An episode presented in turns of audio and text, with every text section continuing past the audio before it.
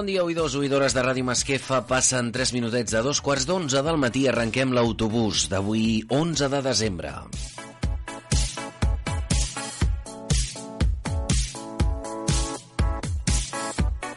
Començarem, com sempre, recordant-vos les maneres de comunicar-nos. Nosaltres amb vosaltres i vosaltres amb nosaltres. Primer de tot, el número de telèfon, que és el 93 772 67 94 93 772 6794.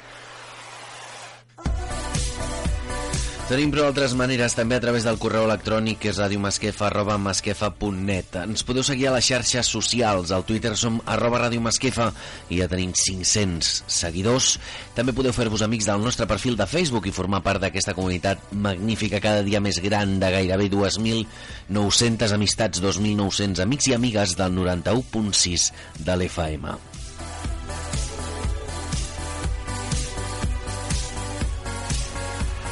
Ens podeu escriure una carta per correu electrònic a radiomasquefa.gmail.com i escoltar-nos des de qualsevol punt del planeta a través de la nostra plana web www.radiomasquefa.com i una cosa que ens faria molta, molta, moltíssima il·lusió és que ens escrivíssiu també una carta per correu ordinari, el de tota la vida, al carrer Creueta número 10 08783 d'aquí de Masquefa.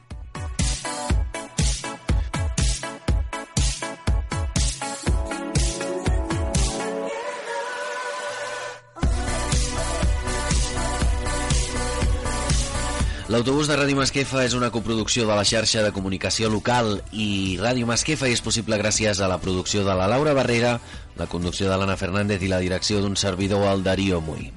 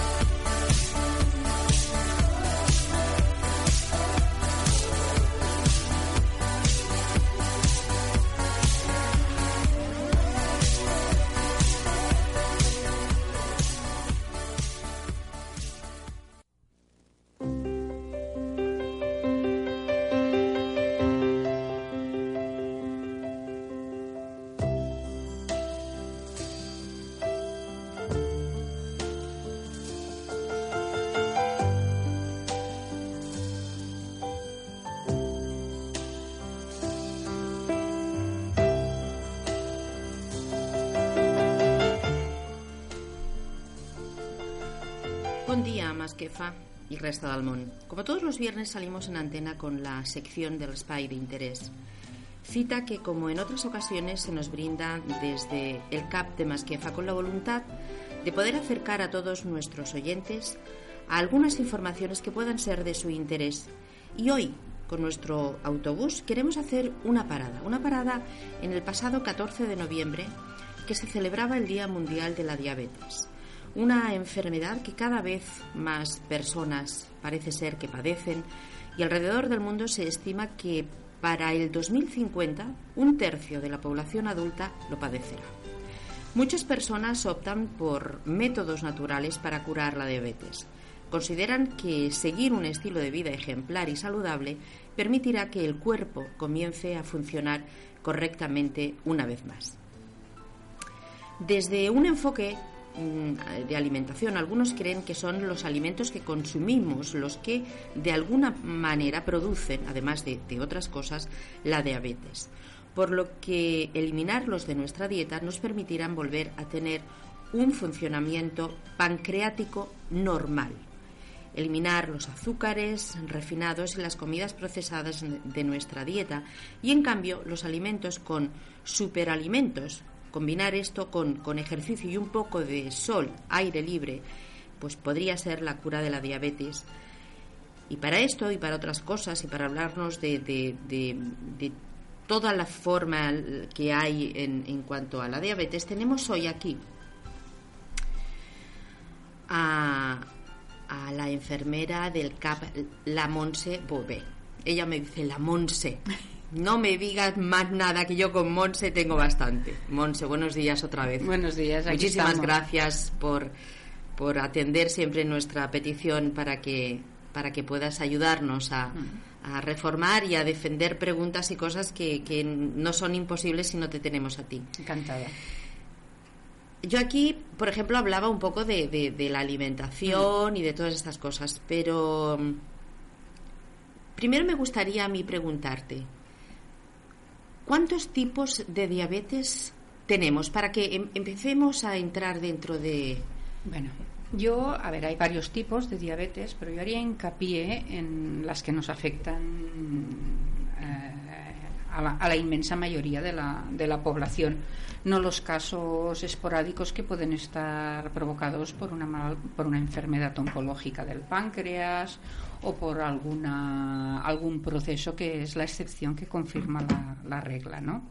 Nosotros nos enfrentamos en nuestro, en nuestro entorno a tres grandes tipos de diabetes. Concretamente, los podríamos reducir incluso a dos. Tenemos la diabetes que llamamos mellitus, tipo 1, y la tipo 2. La tipo 1 es la que es la que afecta a los niños y a la gente muy joven. ¿eh? Es una diabetes en donde el páncreas deja de, fabricar insulina, es de aparición brusca, suele haber también algún componente muchas veces hereditario, hereditario y son niños que debutan pues de una manera alarmante o cayendo redondos en mitad de la calle o llegan deshidratados al CAP, han perdido peso. O sea, es imposible que nadie circule con una diabetes 1 sin enterarse, mm, desgraciadamente porque la sintomatología es abrupta y brutal. A nosotros realmente lo que, lo que está desbordando las tasas de, diabetes es la diabetes tipo 2, la diabetes del, del, adulto, que es la que nos está empeorando día a día con, con el paso de los años. ¿Por, qué, por qué se, se, reafirma la diabetes número 2? Ya nos has dicho mm, que la, mm. la 1 la uno, es muy compleja. No, circularás por la calle sin saber que tienes una diabetes tipo 1, prácticamente, pero puedes circular sin saber que tienes una diabetes tipo 2. Y esa diabetes pues va trabajando y te va perjudicando. ¿Por qué se produce, eh, Monse, la diabetes A ver, la diabetes 2 va muy asociada a la edad también hay que decirlo. O sea, el páncreas, como cualquier órgano, que es el que segrega la, insulina, con el paso de los años, pues va segregando. Es normal que, pues como las rodillas y como cualquier otro órgano de nuestro, de nuestro organismo, con los años se deteriora, ¿no? Entonces, pues el páncreas en muchísimas personas, pues deja de segregar la cantidad de insulina, dijéramos, que, que sería necesaria para regular bien el azúcar y entonces pues aparece lo que llamamos una diabetes tipo 2. Son gente que tiene más azúcar de, de la cuenta en la sangre, pero que puede estar haciendo una vida absolutamente normal sin saberlo. Mientras con la diabetes tipo 1 el organismo se queda sin insulina prácticamente y evidentemente hay un cuadro muy brusco, muy abrupto, que es una diabetes que debuta en urgencias y habitualmente con una sorpresa para, para, para todo el mundo, muchas diabetes se diagnostican, por ejemplo, con un análisis rutinario de cuando vas a dar sangre o de una manera con una revisión de empresa, ¿eh? sin que tú lo supieras. Podríamos decir que si mm, eh, estamos durante, no sé si, si se puede decir años, por lo menos muchos meses, con una diabetes tipo 2 ¿Podríamos decir mm, que, se puede recaer de ahí a la tipo 1 no, o no tiene nada que ver? No tiene nada que ver, no tiene nada que ver. O sea, el diabético tipo 2 segrega insulina, entonces no segrega toda la que necesita. Muchas veces con dieta tiene absolutamente mm, suficiente para, para controlarse, restringiendo hidratos de carbono y azúcares, y otras veces necesita ayuda de insulina y de pastillas. El tipo 1 de debuta bruscamente con insulina inmediatamente porque su páncreas no termina ni de segregar lo necesario para vivir. O sea, un diabético tipo 2 eh, podría vivir mucho tiempo, por decirlo así, prácticamente eh, vigilando la medicación. Un tipo 1 o colocas insulina rápidamente o no sobreviviría. Es así de, brusco. ¿eh? Monse, me, me, me, parece muy importante que, que, dieras, y, lo digo ahora ya al principio del programa, mm. porque conozco a algunas personas, me parecería muy importante que dieses un mensaje para esas personas que tienen eh, diabetes tipo 1 que, creen que, no puede llegar a mucho más, que solamente con que mm, se pueden estar pasando continuamente de las comidas, de las bebidas, de todas esas, de no hacer ejercicio, pero que dicen, bueno, de todas maneras yo luego cuando vea que me subo me pongo más insulina y esto se lo toman como costumbre. No. ¿Qué les puedes decir? Que están cometiendo para que entiendan que están cometiendo un error muy grave y desgraciadamente muy muy frecuente y que están poniendo en grave riesgo su salud. Eh, vamos a ver, eh, miremos, quizá lo entenderán más fácil si te digo, es que antes apenas había diabetes y la gente no tenía complicaciones hace 50 años. Eh, ¿A qué edad morían las personas? ¿50? ¿60? ¿Eh? Ahora una persona pues llega a los 80, puede llegar a los 90 y el azúcar en sangre alto, la diabetes tipo 2, va progresando con la edad. Con la edad. Eh, evidentemente no es lo mismo un diabético que te llegue a los 80 o a los 90 que, que, viva hasta los 60. El índice de complicaciones, o sea, a más tiempo, más mm, tiempo tiene esa diabetes, dijéramos, para ir trabajando en contra de la, de la persona.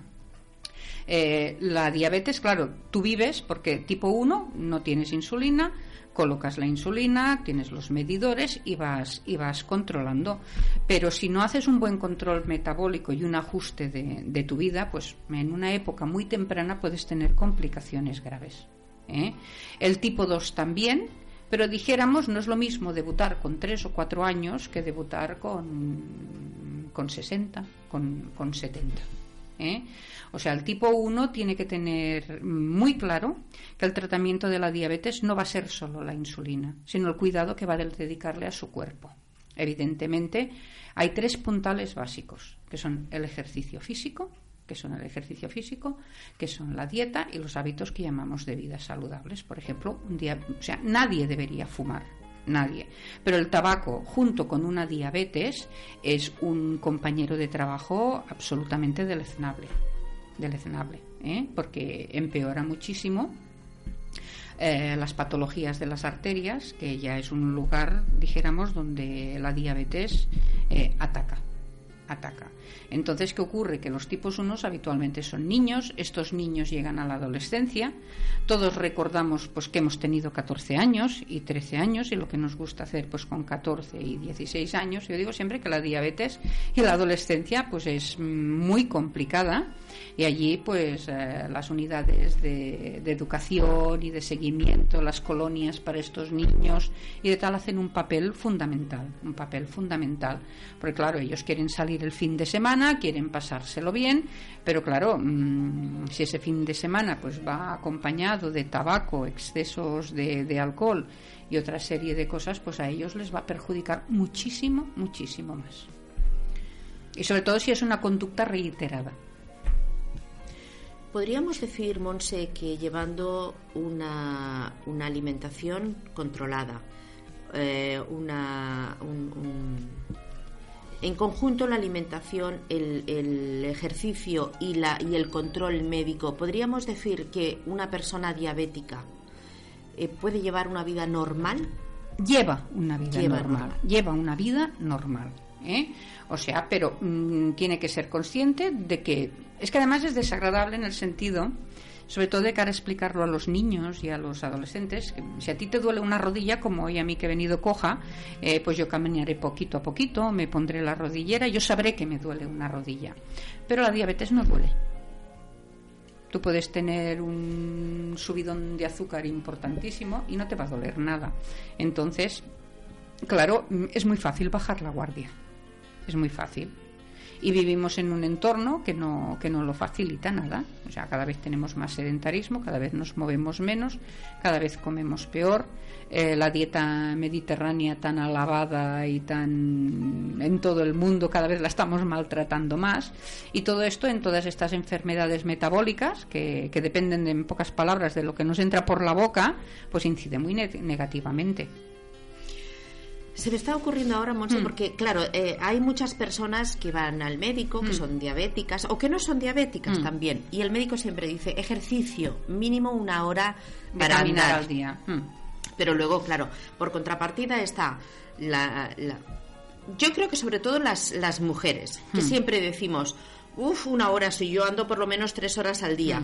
Explícanos para que sea productivo esta hora de andar ¿Cómo debe darse? Primero es que no hay que confundir, y eso lo digo a muchas mamás y a muchas abuelitas y a muchas señoras que vienen, que quedarte en que no es lo mismo trabajar que hacer ejercicio. Tú te puedes pegar en casa una pasada de pasar el mocho, quitar el polvo, ir a buscar a los niños y tal, y lo que coleccionas es una calidad de una cantidad de estrés horrorosa que te hace estar agotado. Pero si tú pudieras medir con un aparatito el consumo de calorías, de gasto que has hecho es mínimo mínimo. Hacer ejercicio, hacer ejercicio quiere decir más o menos cansarse, un poquito. Lo que los jóvenes dicen sudar la, la camiseta. Evidentemente, esto adaptado a cada situación. Si te viene una señora de 70 años que tiene un par de prótesis en la, en la rodilla, que va con muleta, pues no le puedes decir, oiga, váyase usted a correr una hora cada día porque la enviarás, la enviarás a urgencias. O sea, hay que moverse y hay que adaptarse dependiendo también de tus, de tus, de tus limitaciones físicas. Pero realmente, con que saliéramos a caminar una horita para nosotros a paso un poquito ligero y más ahora que nos han puesto aquí unos caminos majísimos para ir a, caminar y que cada vez que los veo digo oh qué mal aprovechados que están porque me encantaría verlos llenos de gente y los ves y los ves vacíos ¿eh? una hora caminar a pasito a pasito ligero ¿eh? Eh, las personas que no tenemos una, una, incapacidad física que lo permita, esto repercutiría muy notablemente en toda nuestra salud cardiovascular y además en aligerarnos también del estrés, porque vamos muy nerviosos, vamos muy cansados. Y una horita también para caminar es una horita para ti, una horita para desconectar y una horita para pensar en tus cosas, que también nos hace mucha falta. Muchísima. Hablábamos antes, Monse, de, que hay niños que mm. tienen diabetes. Me gustaría que explicases un poco cómo es la función de, vosotros, de la parte médica, de la mm. parte de enfermería de, y la parte de la familia a la hora de decirle a un niño pequeño, tienes algo que se llama diabetes, y tienes que tener tu comportamiento un poco diferente mm. a los demás niños o no. ¿Cómo, cómo, se, les, cómo se le explica a un niño Vamos a este ver. tema? Eh, habitualmente los niños con, con, diabetes tipo 1, ya te digo, es un problema, mm, pero gracias a Dios no es eh, la mayoría de, la problemática que tenemos mm, social en la calle, que es la diabetes tipo 2. Estos niños habitualmente se controlan en servicios específicos en el hospital de, Martorell, en San Juan de, Dios, porque necesitan un soporte especial, una dieta especial. Piensa que estamos hablando de niños que a veces se tienen que pinchar tres y cuatro y a veces más veces insulina al día. ¿Eh? cosa que un tipo 2 no hará nunca. Un tipo 2 se pincha insulina una vez al día y esporádicamente y a veces dos, y más con los nuevos productos que han salido a otra vez al mercado.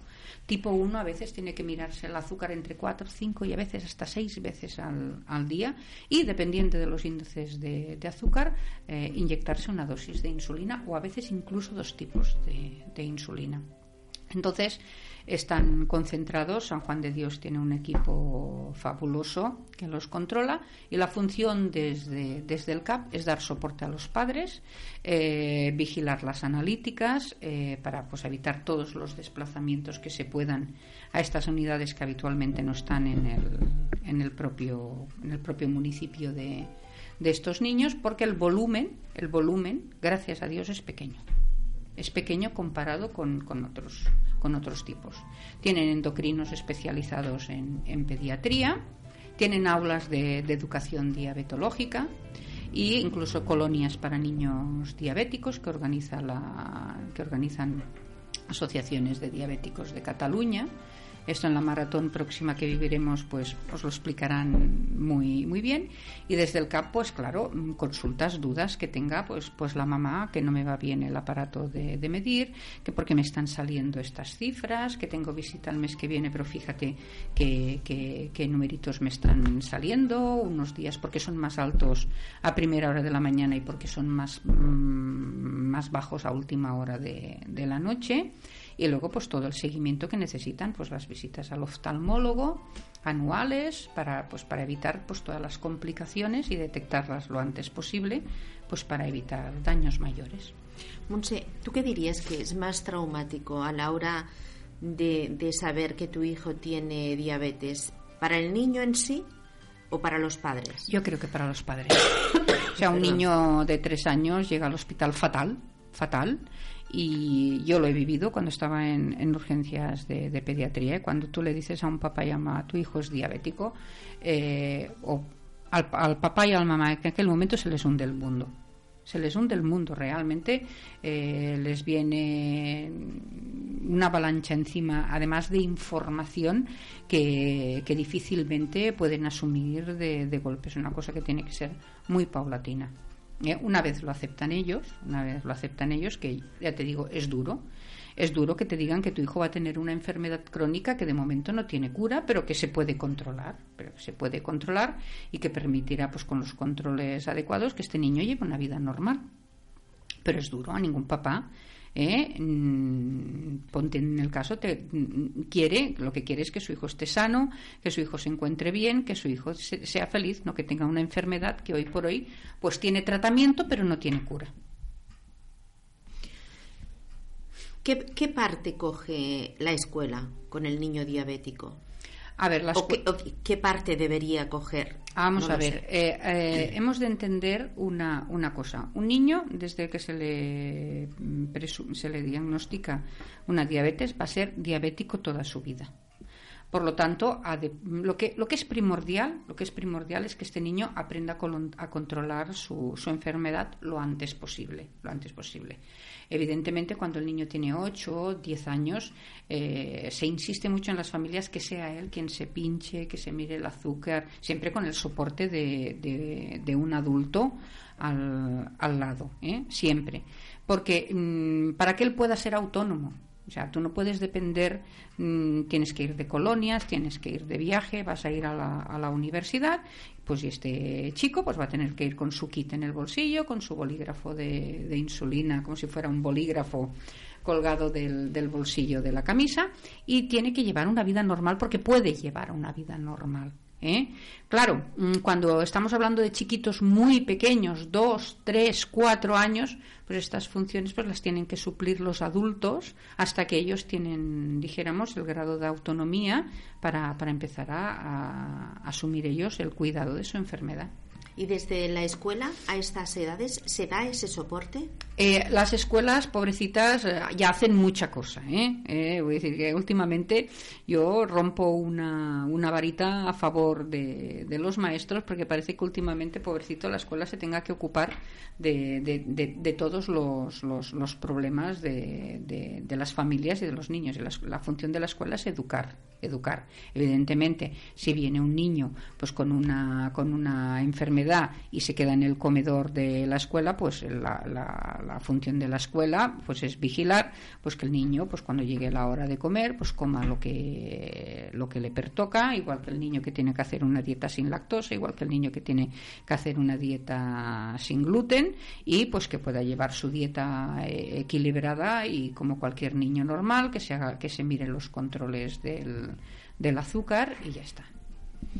Porque normalmente cuando se tienen que inyectar la insulina, ¿qué es? Eh, em, antes de ir a la escuela y cuando regresan de la escuela? Habitualmente eh, las pautas de insulina suelen ser entre cada seis horas aproximadamente, habitualmente antes de, las comidas.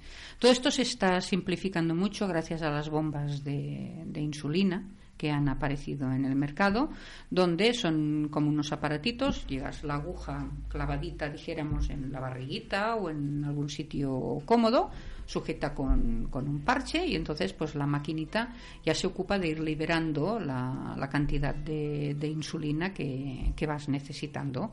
Prácticamente la función de la escuela se trata en asumir pues si aquel niño tiene, pues por ejemplo, detectar un bajón de azúcar, una hipoglucemia, ¿eh? que puede ocurrir a cualquier diabético. Los niños, incluso cuando son un poquito mayores, yo he visto niños a partir de seis años que te dicen, eh, se me está bajando el azúcar cuando los has llevado, ostras, y se lo conocen los mires y evidentemente, porque antes de decir caer redondo al suelo, hay una sintomatología que te, que te avisa, temblores, sudoración, entonces ingiere rápidamente algún azúcar rápido y esto se mejora rápidamente.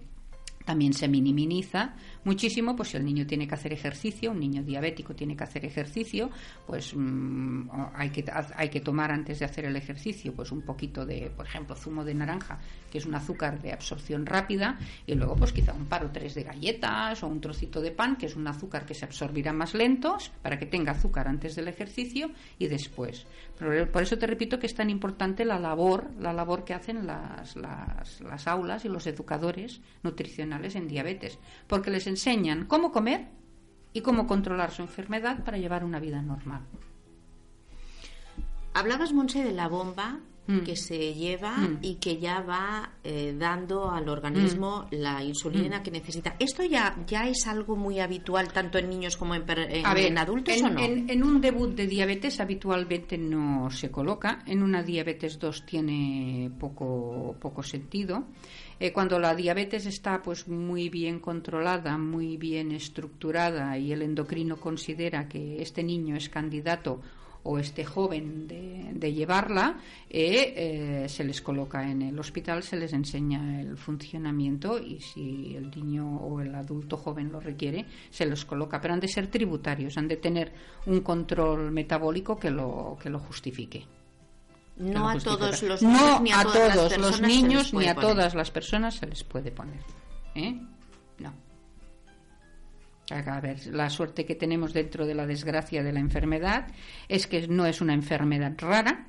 ¿eh? Esto te lo contestarían rápidamente los papás que tienen pues un niño con una enfermedad de esta que afecta, donde la investigación desgraciadamente está muy muy, muy infradotada. Es una enfermedad que afecta a muchísima gente.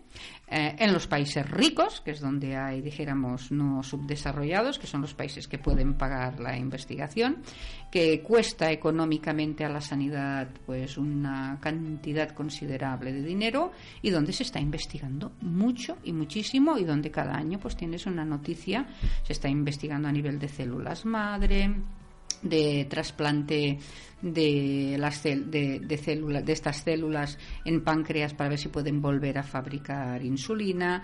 O sea mm, el cambio que hay en las insulinas ha sido brutal. Yo me acuerdo de, de cuando empecé que prácticamente eran unos frasquitos que en una jeringa que, que cada vez que lo recuerdo dices bueno no tiene nada que ver hoy en día o sea al ser una enfermedad mm, importante grande que afecta a muchísima gente, el mensaje es de esperanza, se está investigando muchísimo. Yo creo que en los próximos años podemos tener muchas sorpresas agradables a este, a este nivel. Lo que ocurre que, pues, mientras tanto, pues tenemos lo que tenemos y hay que aplicar lo que tenemos. El mensaje puro es, con una vida y con, unos hábitos de vida saludables eh, y una dieta adecuada y poniéndose el tratamiento adecuado, un diabético puede llevar una vida prácticamente normal. Y ya mm, eh, eh, yendo un poquito más hacia el futuro, Monse, porque claro, se yo leo, leo muchos artículos que mm. hablan hace mucho que lo quería haber buscado para y al final no, mm. no lo he hecho. Eh, hace muy poco leí un artículo que decía que había salido un tratamiento para la diabetes. ¿Qué nos puedes explicar de, de todo esto? Pastillas y tratamientos para la diabetes a nivel farmacológico, cada año tenemos innovaciones y tenemos productos nuevos que, que, los laboratorios investigan y sacan en el, en el mercado. Pero de momento son mm, tratamientos para curar, digo, para controlar la, la diabetes. O sea, el mensaje es, hoy por hoy la diabetes no se cura. La diabetes se controla. Con un buen control se puede llevar una vida normal. Claro, la persona que es diabética y que cada dos por tres, pues en los medios ah, han conseguido que unos ratones pues vuelvan a fabricar insulina, pues ya se imagina que dentro de poco, pues ese trasplante de células que le han, le que ha provocado que esos ratoncitos pues fabriquen insulina se lo van a poder hacer a ellos. Y hay que tener en cuenta una cosa y es la el tiempo en que duran los ensayos clínicos. Claro, si tú no tienes la enfermedad, que un ensayo clínico dure 20 años, pues te importa poco, pero si tú la tienes, te importa muchísimo. ¿eh? O sea, todos los, cuando te dicen hay un ensayo clínico, hay tal y hay cual, pues lo mismo ese ensayo clínico está en fase 1, en fase 2, y hasta, y hasta que pueda llegar, saber si ese producto o ese nuevo tratamiento revolucionario puede aplicarse a las personas, pues a veces pueden tardar 10, 15 años. Monche, explícanos por favor así de una forma muy, muy sencilla para que todos podamos entender. Cómo fabrica nuestro organismo la insulina y por qué de repente deja de fabricar eso ¿Eh? Pues que parece que ha nacido con nosotros y que de repente se va pues y tenemos, que ponerla desde Tenemos el páncreas, que es el órgano que fabrica la insulina. Concretamente se fabrica en unas células concretas que son unos islotes que hay en el, en el, en el páncreas. Y realmente de golpe y porrazo, pues estos islotes en los tipo 1 dejan de fabricar insulina. Y hay el debut espectacular de la diabetes tipo 1, que cualquier papá te lo, te lo explicará. Y luego está el proceso de edad, que es lo que yo te, he comentado antes, que poco o mucho, pues mm, todos dejamos de, fabricar un poquito de, insulina. Estos islotes, pues también mm, con la edad decaen. Lo que ocurre que pues hay muchas personas pues que te decaen un poquito, pero sigues fabricando suficiente insulina para vivir, y en otros, pues a partir de los 50, 60 años, a veces más, pues se, diagnostica lo que llamamos una diabetes tipo 2 que es pues que necesitas una ayuda porque con la que tú fabricas pues no hay suficiente para ir tirando adelante. Eh, tenemos ahora pues muchos más casos de, de diabetes tipo 2 pero también porque no se nos ha descontrolado también la obesidad. ¿Eh? las cosas como sean. Uno de los factores que pueden provocar que una persona pues debute a los 50 años con un tipo de, de, diabetes tipo 2 pues es una obesidad importante que quizá pues si no tuviera esos 20 kilos encima que, que, le sobran pues no hubiera debutado o tendría lo que llamamos un exceso de azúcar en la sangre que con media pastillita podría ir tirando. ¿eh? Pasa que la, obesidad es un gran desencadenante del proceso de diabetes mellitus tipo 2. ¿Cuál sería, ese producto alimentario, esa bebida alimentaria que los, los, médicos, las personas que os dedicáis a controlar mm. esta historia de la diabetes, podríais decir, bueno, mm, e, esto, bueno, todavía más o menos controlándolo muy bien todavía, pero hay esto que esto no está permitido en ningún momento ni en ninguna situación. Vamos a ver, mm, tan tajante, tan tajante, tan tajante no me, no me gusta ser, pero lo que es, apliquemos el sentido común. Si tú tienes un exceso de azúcar en sangre y tienes que tomar medicamentos para controlarlos, el sentido común, ¿qué te dice que es lo que no tienes que comer? Lo que ya aportas directamente como azúcar. Miel, caramelos, helados, estas cosas eh, y evidentemente el mercado ahora ha mejorado mucho porque hay galletas sin azúcar, hay caramelos sin azúcar que de cara a los niños, imagínate años atrás lo que era decirle a un niño que no vas a poder tomar nunca más azúcar. Esto quiere decir que no te vas a poder tomar nunca un trozo de tarta de cumpleaños. Hombre, no seamos tan radicales. Un día es un día. ¿eh? Lo que no puede ser es un día todos los días. Todos, todos los días. Claro, yo, yo mm, sé que la mayoría de, las, de los médicos mm. y de las personas que os dedicáis a, estos temas no os gusta ser radicales y yo creo que mm. está muy bien. Eh, yo, por ejemplo, mi madre era diabética y teníamos el médico de la familia de toda la vida y siempre le decía, mi madre se, se inyectaba insulina dos veces al día. Y entonces siempre le decía, mira, Elena, eso de no comer nunca arroz, eso de beber siempre leche descremada. No, Mira, el organismo, y es que yo creo que es una forma muy buena de hacernos entender las cosas, porque además, no sé si tú estás de acuerdo conmigo, pero yo sé, yo creo que todo lo que está prohibido es lo que queremos hacer. Evidentemente, además te prohíben lo que está riquísimo. Claro. Entonces él siempre le decía, mira, tú tienes que comer arroz una vez a la semana, no tienes que comer arroz en un plato hondo, tienes que comer arroz en un plato de postre. Tienes que beber leche. No hace falta que bebas leche desnatada. Te bebes tu poquito de leche normal. Quiero decir, eso de alguna manera parece como que te abre un poco las expectativas de no ser algo raro, ¿no? No, mira, yo siempre les digo al, ya te nosotros tratamos prácticamente en el capsón diabetes tipo 2 que es la diabetes del, del, adulto. Y, por ejemplo, te voy a poner un ejemplo. Tengo abuelitos que son diabéticos y que tienen un huerto. Y que tienen un huerto y que ellos cada día pues, se van eh, dos o tres horas al huerto. Esta gente eh, mm, tiene unos niveles de azúcar comparados con el resto de la población sedentaria eh, de su misma edad y en su misma situación brutales. Solo con que el ejercicio físico que hacen, solo con el ejercicio físico que hacen, eso les permite no estar obesos, eso les permite al no tener células grasas, metabolizar mucho mejor los medicamentos o la insulina si la ponen. Y es gente que si tú hablas con ellos, desayunan, comen, meriendan, cenan eh, y prácticamente normal. Yo siempre les digo, hay que vigilar la pirámide de, que llamamos famosa de los alimentos. O sea, tú, no, tú has de comer arroz, tú has de comer patatas y tú has de comer legumbres. Intento siempre decirlos. Pero lo que no puedes hacer es comer la gran cantidad que comería una persona que no tuviera, que no tuviera diabetes. ¿eh? Entonces yo, es lo que tú dices. Yo les digo siempre, el plato sopero hasta la raya. ¿Que hay paella el domingo? Pues el plato sopero hasta la raya. ¿Eh? Y luego, pues si tienes hambre, pues lo terminas de completar con una ensalada o con tal. Lo que no puede ser es que llegue ese domingo y haya primero el vermut con la copita, luego el plato de arroz hasta arriba, luego el segundo plato y luego para rematarlo una, una, bandeja de, de, dulces. Porque entonces, evidentemente, si a las dos horas de comer tú miras el azúcar aquí hay un subidón, que ya te lo dicen, este domingo no me lo he mirado porque me pasé un montón. ¿eh? ¿eh? Y también vuelvo a decirlo, una persona con que no el, mensaje dijéramos lo que tendría que quedar muy claro, es que nadie quiere tener una diabetes ni nadie quiere estar enfermo.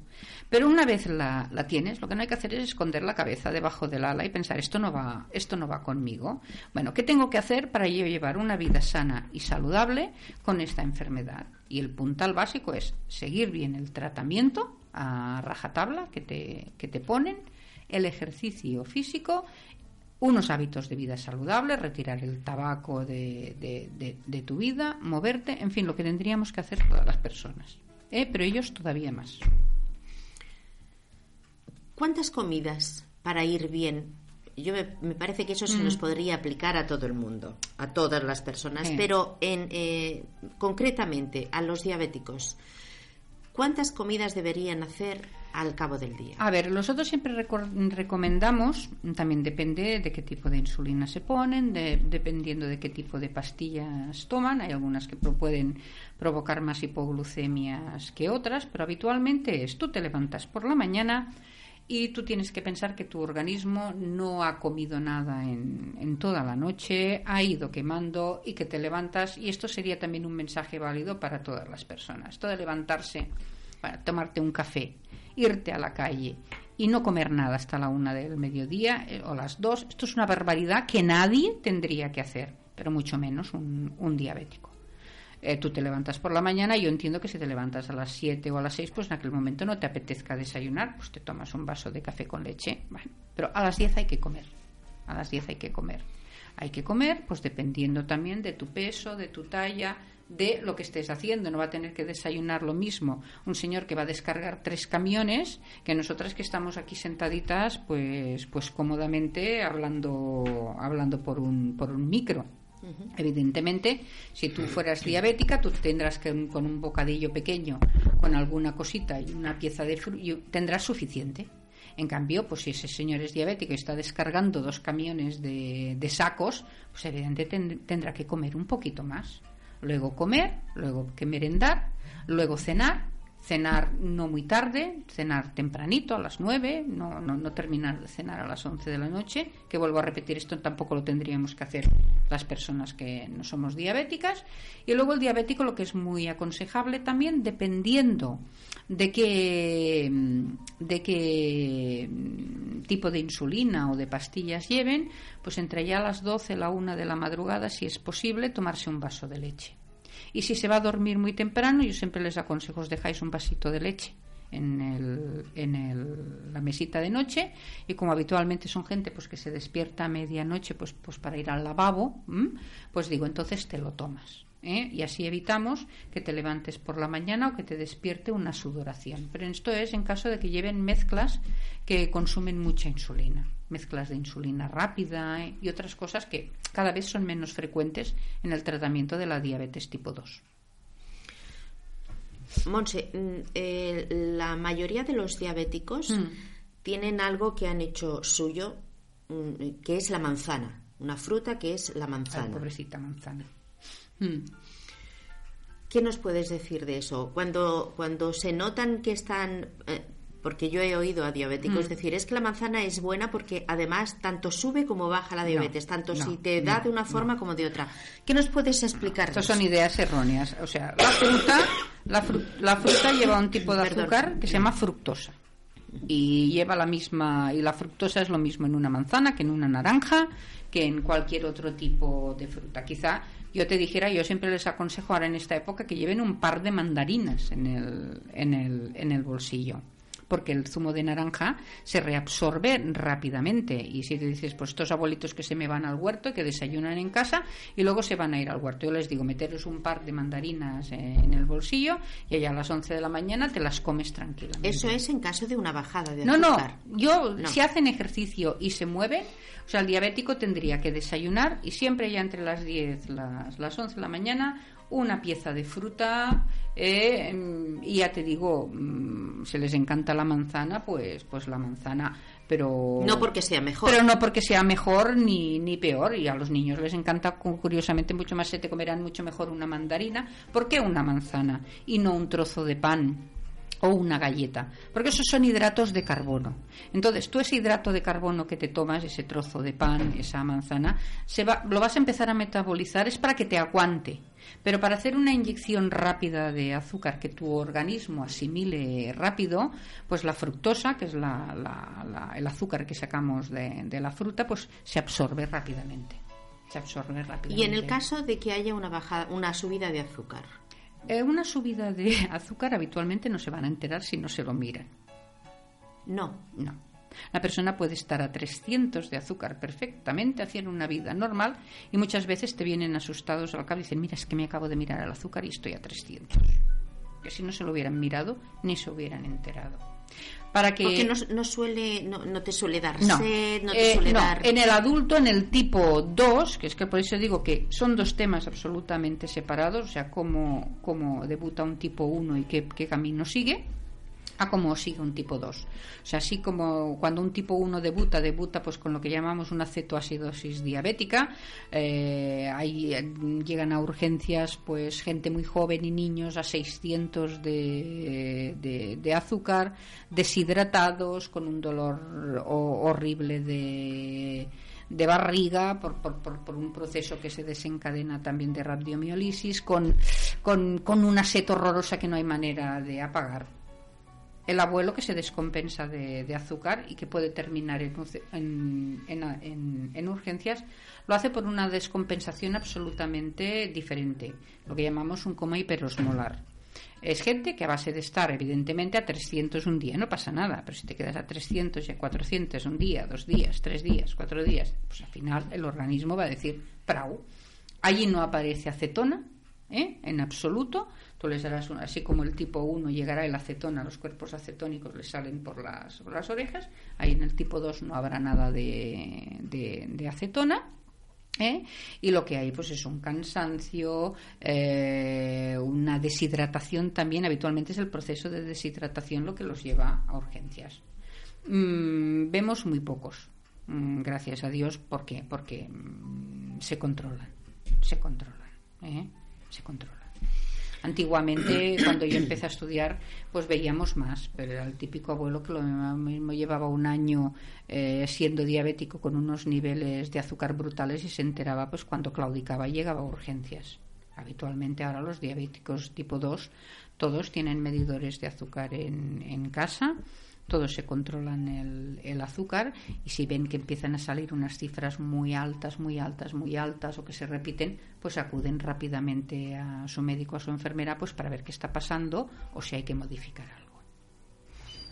Para, para terminar, Monsi, me gustaría que hablases, que explicases un poco la insulina que se pone para eh, que se inyecta para subir eh, el para, no, para bajar para siempre bajar, para bajar y cuando mm, que expliques un poco, porque hay, hay personas que les es muy traumático decir, me tienen que poner esta insulina rápida, mm. porque ¿Qué pasa con esa insulina rápida? A ver, la insulina rápida es, es, es, es, es hiper necesaria, es hiper necesaria, eh, pero ya te digo, prácticamente está restringida a los casos tipo 1 sea, el tipo 1, el niño, el joven, pues se pone su insulina de 24 horas o de cada 12 horas, dependiendo pues de, los controles que lleva, pero puede tener picos de hiperglucemia. Pues entonces si te aparece un pico de hiperglucemia, es decir, llega la hora de comer y me miro y estoy muy alto, pues se ponen 2, 4, 6 unidades, la que les haya pautado el médico de rápida,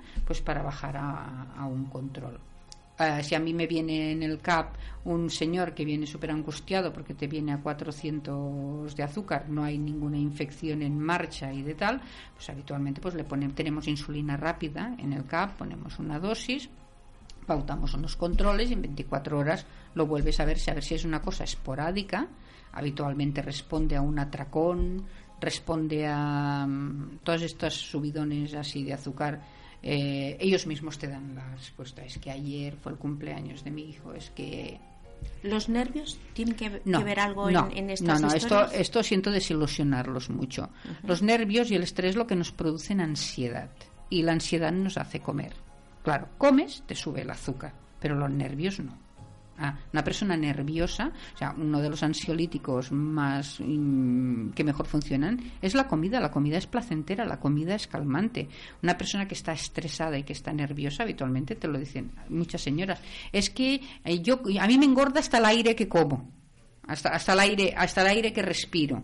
Y es porque las personas que van muy nerviosas y están obesas es porque habitualmente comen de pie, pican entre horas, es que mientras están preparando la comida, pues van picando de aquí, van picando de allá, y allí hay una, y allí hay una obesidad. ¿eh?